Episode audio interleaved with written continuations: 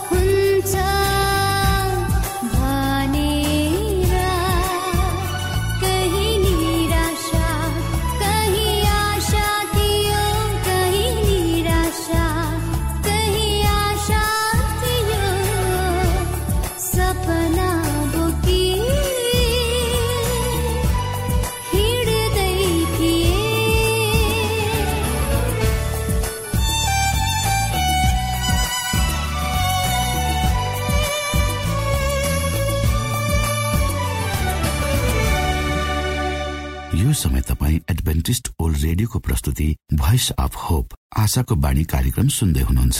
श्रोता मित्र यो समय हामी पास्टर उमेश पोखरेलबाट आजको बाइबल सन्देश सुन्नेछौ।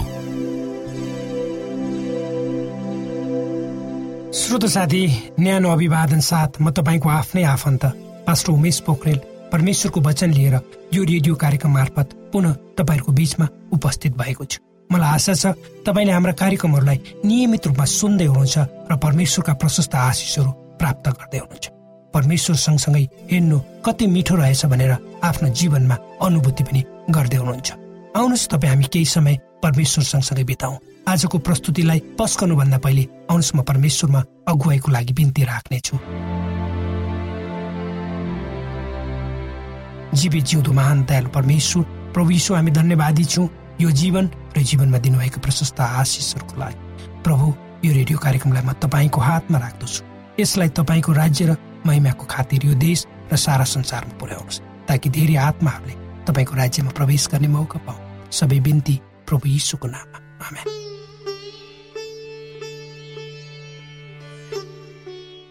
श्रोत साथी हताश र निराश मानिसका जीवनका एक भाग हुन्।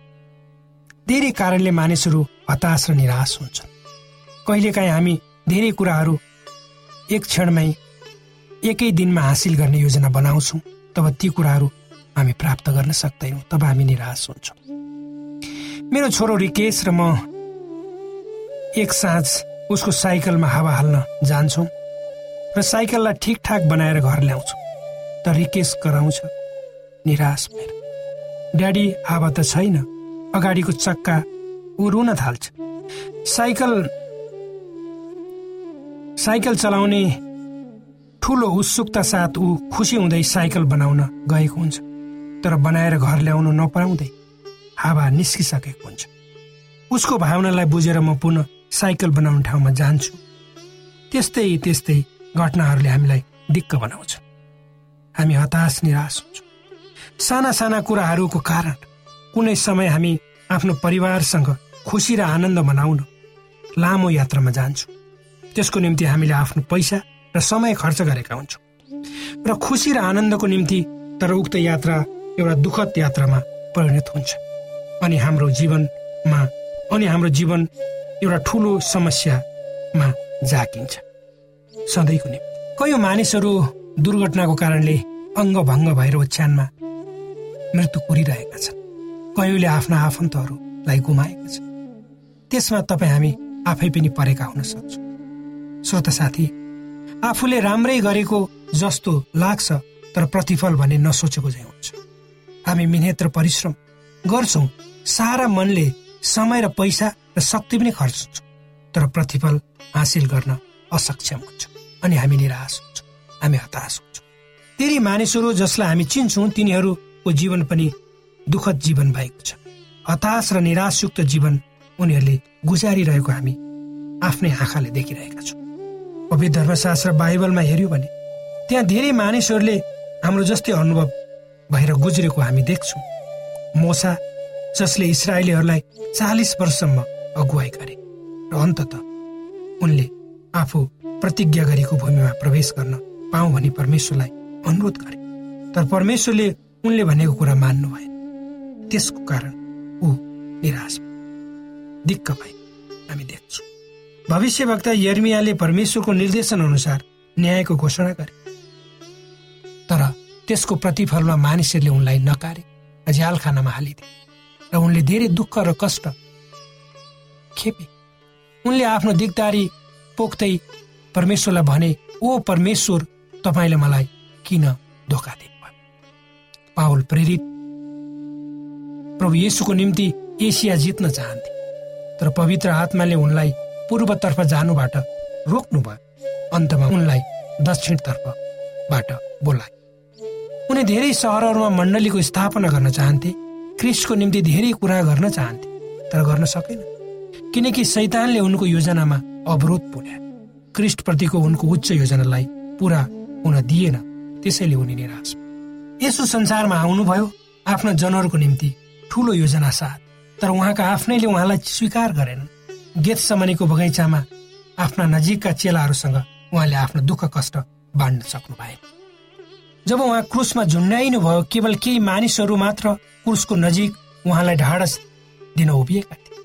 तर अरूहरू आफ्नो जीवन बचाउन त्यहाँबाट भागी छ क्रुसमा पिता र स्वर्गदूतहरूको उपस्थिति उहाँबाट खोसियो र उहाँ बडो दुःख र कष्ट साथ कराउनु भयो मेरा परमेश्वर मेरा परमेश्वर किन तपाईँले मलाई छोड्नु भने हो श्रोत साथी यी त केही उदाहरणहरू मात्र हुन्। त्यस्ता धेरै उदाहरणहरू हामी पवित्र धर्मशास्त्रमा र हाम्रो आफ्नै जीवनमा पनि पाउँछौँ। भर्खरै जुन महिनाको मध्यतिर वा सोह्र तारिकमा भारतको उत्तराखण्डमा ठुलो बाढी पहिरोले हजारौँ मानिसहरू घरबार विहीन धेरै मानिसहरूको मृत्यु भयो। हजारौँ हजार मानिसहरू अझै बेपत्ता छन् र कयौँ मानिसहरूको जीवनले अचानक नसोचेको मोड उक्त ठुलो दैविक प्रकोपले करोडौँ मानिसहरूको जीवनमा प्रत्यक्ष वा प्रत्यक्ष प्रभाव पारे बडो हृदय विधारक घटना। उक्त विपत्तिमा फँसेका लाखौँ तीर्थयात्रीहरूलाई भारत सरकार र विशेष गरी भारतीय सैनिकहरूले आफ्नो ज्यानलाई पनि प्रवाह नगरे गरी बचाए। त उद्धारको अन्तिमतिर स्वयं हेलिकप्टर दुर्घटनाको कारण ती महान वीर योद्धाहरूले आफ्नो ज्यान पनि गुमाए कस्तो दुःख लाग्दो दिक्क लाग्दो घटना। ती बिसजना नायकहरू जसले अर्काको जीवन बचाउन आफ्नो जीवन दिए निश्चय नै उनीहरूका परिवार आफन्त र आश्रित जनहरूमा कस्तो विपत्ति आइलाग्यो नसोचेको समयमा। उनीहरू कति हताश र निराश छन्। यद्यपि ती सैनिकहरूलाई भारतमा मात्र नभई सारा संसारले सलाम गर्दछ। र उनीहरूको बलिदानको उच्च मूल्याङ्कन गरिएको यस्ता धेरै धेरै अवस्था परिस्थितिहरूका कारण मानिसहरू निराश हुन्छ किन प्रभु यस्तो अन्याय वा विपत्ति के को कारणले तपाईँले यस्तो गर्नुभयो? यस्ता प्रश्नहरू सहजै धेरै मानिसहरूको मनमा उठ्न सक्छन् र उठिरहेका छन्। श्रोत साथी हाम्रो जीवनमा घटेका घटनाहरू हामीले देखेका र भोगेका कयौँ कुराहरू किन भए? के को लागि भनेर हामी त्यही समय नबुझ्न पनि सक्छौँ। किनकि यस्ता कुराहरूको उत्तर केवल परमेश्वरलाई मात्र थाहा छ। समय आएपछि त्यसको वास्तविकता उहाँले हामीलाई अवश्य बताउनु हुनेछ त्यही विश्वासमा हामी जिउँदैछौँ। नराम्रो काम गर्दा नराम्रो बाटोमा हिँड्दा लडाइँ झगडा गर्दा अवश्य त्यसले हामीलाई हानि नोक्सानीमा पुर्याउँछ र हामीले दुःख पाउँछौँ त्यो स्वाभाविक हो। तर राम्रो सोचाइमा राम्रो कुराको निम्ति केही गरिँदा त्यसमा ठुलो विपत्ति आइलाग्नु त्यसभित्र फस्नु र आफ्नै ज्यान गुमाउनु। कति दुःखद कुरा हो। र यसको जिम्मेवारी कसले लिने त? भारतको उत्तराखण्डमा भएको दैवीय प्रकोपले ती सोझा निर्दोष वृद्ध र अपाङ्गहरू बालबच्चाहरूले आफ्नो ज्यान गुमाए। किन? आज भोलि हामी दैनिक रूपमा सुन्छौँ सडकको छेउमा बस पर्खेर बसेका बजारमा किलमेल गरिरहेका बसमा यात्रा गरिएका मानिसहरूले अनाकमा आफ्नो जीवन गुमाइरहेका तिनीहरू के दोष? किन उनीहरूले आफ्नो जीवन गुमाउनु पर्यो? यी सबै प्रश्नहरूको उत्तर तपाईँ हामीसँग छैन।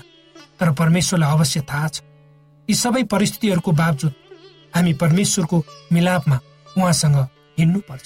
तब मात्र हामीले आफ्नो जीवनमा यी सबै खराब र असल पक्षहरूलाई बुझ्न सक्छौँ। हो सधैँ हामी सबैको हो सधैँ हाम्रो जीवन दुःखै दुःखले भरिँदैन। दुःखका क्षणहरूलाई धैर्य धारण गरी सहनु पर्छ। र त्यसपछि एक दिन ती तपाईँका र मेरा प्रतिकूल परिस्थितिहरू हाम्रा अनुकूल पनि बन्न सक्छन्। जसरी रातपछि दिन हुन्छ त्यसै गरी दुःखपछि सुख पनि आउँछ। श्रोत साथी तपाईँ हामी आफ्ना जीवनमा यस्ता धेरै कष्टयुक्त दिनहरू भएर गुज्रेका छौँ। हामीलाई कहिलेकाहीँ लाग्दछ जीवन केवल यति नै रहेछ। अन्धकारयुक्त अब अगाडि बढ्ने कुनै उपाय छैन। जीवन त्यही अन्त्य हुँदैछ तर आशाको सानो किरणले तपाईँ हाम्रो जीवनको एक पक्षलाई आफ्नो तापले तताइरहेको छ। यद्यपि हामी आफ्नो जीवनको सबभन्दा तल्लो अवस्थामा बाहिर गुज्रिरहेका हुन्छौँ त्यति बेला पनि परमेश्वर तपाईँ र मेरो साथमा हुनुहुन्छ। यी वचनहरूले तपाईँ र मलाई यो वर्तमान अवस्था र दुःख कष्टहरूबाट सहन सक्ने शक्ति दिउन्। श्रोता भर्खरै यहाँले पास्टर उमेश पोखरेलबाट बाइबल वचन सुन्नुभयो। यो समय तपाईँ एडभेन्टिस्ट ओल्ड रेडियोको प्रस्तुति भोइस अफ होप आशाको बाणी कार्यक्रम सुन्दै हुनुहुन्छ। कार्यक्रम सुनेर बस्नुहुने सबै श्रोतालाई हामी हाम्रो कार्यक्रममा स्वागत गर्न चाहन्छौ। श्रोता मित्र यदि तपाईँ जीवनदेखि हरेस खानु भएको छ तपाईँका जीवनमा धेरै अनुत्तरित प्रश्नहरू छन् भने आउनुहोस् हामी तपाईँलाई परमेश्वरको ज्योतिमा डोहोर्याउन चाहन्छौँ। र तपाईँ आफ्नो जीवनका चिन्ता फिक्रीबाट निश्चिन्त हुनुहोस् र बाँच्नुको आनन्द परमेश्वरको सामिप्यमा कति मिठो हुन्छ त्यो चाख्नुहोस् भनी हामी चाहन्छौँ।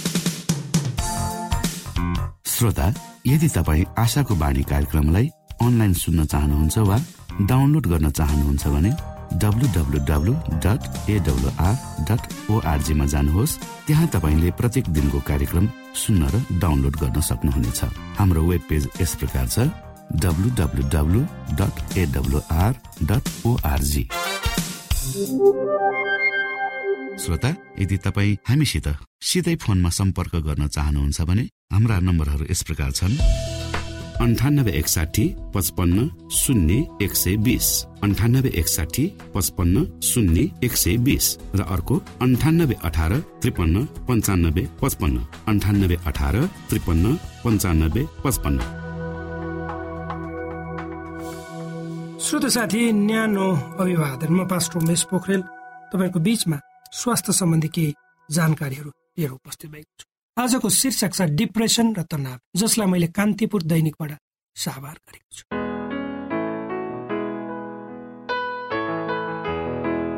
व्यक्ति विशेषमा एउटा गलत धारणा छ। काल्पनिकको दाँजोमा यथार्थ घटना आधारित कथा पढ्ने हुनाले मानिसको भावनात्मक प्रक्रिया बदलिएको हुन्छ। कन्ज्युमर रिसर्चमा प्रकाशित यो अध्ययन अन्तर्गत अनुसन्धानकर्ताहरूले व्यक्तिहरूको दुई समूहको अध्ययन गरे अध्ययनमा भनिएको छ पढ्नु नै छ भने दुःखद काल्पनिक कथा पढ्न सकिन्छ। किनभने त्यस्तो गर्नाले उनीहरूलाई काल्पनिक कथा पढेको भान हुन्छ। अनि उनीहरू धेरै नाटकीयता भएको दुःखद सत्य कथाको दाँजेमा कम उदास हुने गर्छ। उसो त काल्पनिक दुःखद कथाले प्रभावलाई कम गर्दैन सत्य कथाको दाँजोमा यसले पाठकलाई कम उदास तुल्याउँछ। अध्ययन अनुसार दुःखद सत्य कथाहरू पढ्नेहरू वा यो विषयमा बस बनेका फिल्म हेर्नेहरू उनीहरूको दाँजोमा बढी उदास हुन्छन्। जो यही विषयमा काल्पनिक फिल्म हेर्छन् वा कथा पढ्छन्। अर्को कुरा यदि तपाईँ कार्यालयको वातावरणले त्यति खुसी हुनुहुन्न भने यो तपाईँको करियरका लागि राम्रो हुन सक्छ। एउटा अनुसन्धानको दावी अनुसार कार्यालयमा दुखी रहने कर्मचारी बढी राम्रो काम गर्छन्। तर जुन व्यक्ति कार्यालयमा बढी खुसी हुन्छन् उनीहरूले त्यति राम्रो काम गर्न गर्दैन। यो अध्ययन ह्युमन रिलेसन जर्नलमा प्रकाशित भयो। अध्ययनले कार्यालयको सकारात्मक वातावरणले कार्यक्षमता बढाउँछ भन्ने धारणाको विरोध गरेको छ। अध्ययन अनुसार हरेक मामिलामा रिस र नकारात्मकताको परिणाम नकारात्मक नै हुन्छ भन्ने हुँदैन। यो कुरा कार्यक्षेत्रमा बढी लागु हुन्छ। अध्ययन अनुसार टिमभित्र अलि नकारात्मकता पनि आवश्यक हुन्छ। यसले कर्मचारीमा राम्रो प्रदर्शनको चाहना बढ्ने गर्छ। कोभिड नाइन्टिनका सम्पूर्ण खोप वा भ्याक्सिनको सफल परीक्षण गरिएको छ। यी भ्याक्सिन लिनाले हामी गम्भीर बिरामी हुनबाट जोगिन सक्छौ। त्यसैले तपाईँ पनि यो खोप लिनुहोस्। यदि तपाईँलाई पहिले नै कोभिड पोजिटिभ देखिसकिएको छ भने तपाईँ यो खोप चाँडै नै लिनुहोस्। यसो गर्नाले हामी र हाम्रो समुदायमा रोग प्रतिरोधक शक्ति चाँडै नै आउनेछ र हामी सबैजना पहिले जस्तै सामान्य जीवनमा फर्कन सक्दछौ। युनेस्को डब्लुएचओ र रेडियो कार्यक्रम आशाको बाणीबाट जनहितमा जारी सन्देश। Thank you.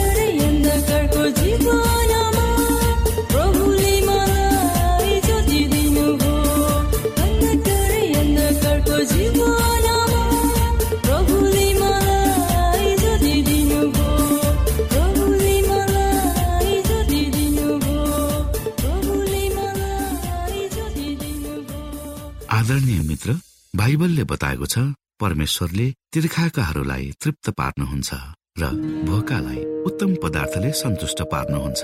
हामीलाई दिइएको यो छोटो समय आशाको बाणीको प्रस्तुतिको समयमा हामीले हाम्रा श्रोताको आत्मिक भोकलाई केही मात्रामा भए तापनि सही प्रकारको खोराक पस्केर आत्मिक सन्तुष्टि दिन सकेका छौँ केही ऊर्जा थप्न सकेका छौँ भनेर हामीले आशा राखेका छौँ।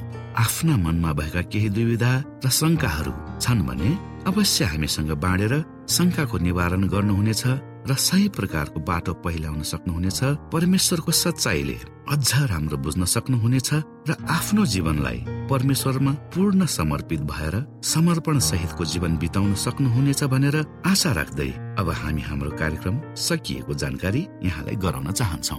जानुभन्दा अगाडि श्रोता हामी यहाँलाई हाम्रो ठेगानाको विषयमा जानकारी गरौं। हामीसँग पत्राचार गर्ने हाम्रो ठेगाना यस प्रकार छ। आशाको बाणी पोस्ट बक्स नम्बर दुई शून्य शून्य शून्य दुई काठमाडौँ नेपाल। आशाको बाणी पोस्ट बक्स नम्बर दुई शून्य शून्य शून्य दुई काठमाडौँ नेपाल। यसै गरी श्रोता यदि तपाईँ हामीसँग सिधै कुराकानी गर्न चाहनुहुन्छ भने हाम्रो फोन नम्बर यस प्रकार छ अन्ठानब्बे एकसाठी पचपन्न शून्य एक सय बिस र अर्को अन्ठानब्बे अठार त्रिपन्न पन्चानब्बे पचपन्न। यदि तपाईँ हामीलाई अनलाइन सुन्न चाहनुहुन्छ वा डाउनलोड गर्न चाहनुहुन्छ भने तपाईँ W W W dot AWR dot ओआरजीमा जानुहोस् र त्यहाँ तपाईँले हाम्रा सबै कार्यक्रमहरू सुन्न सक्नुहुनेछ। हाम्रो वेब पेज यस प्रकार छ W W W dot AWR dot ORG श्रोता यसमा गएर तपाईँले हाम्रा दैनिक कार्यक्रमलाई सुन्न सक्नुहुनेछ र डाउनलोड पनि गर्न सक्नुहुनेछ। हवस् त श्रोता हाम्रो कार्यक्रम सुनिदिनु भएकोमा एकचोटि फेरि यहाँलाई धन्यवाद दिँदै भोलि फेरि यही स्टेशन यही समयमा यहाँसँग भेट्ने आशा राख्दै प्राविधिक साथी राजेश पास्टर उमेश पोखरेल र कार्यक्रम प्रस्तुता म रवि यहाँसँग विदा माग्दछौ। परमेश्वरले तपाईँलाई धेरै धेरै आशिष दिनु भएको होस्। नमस्कार।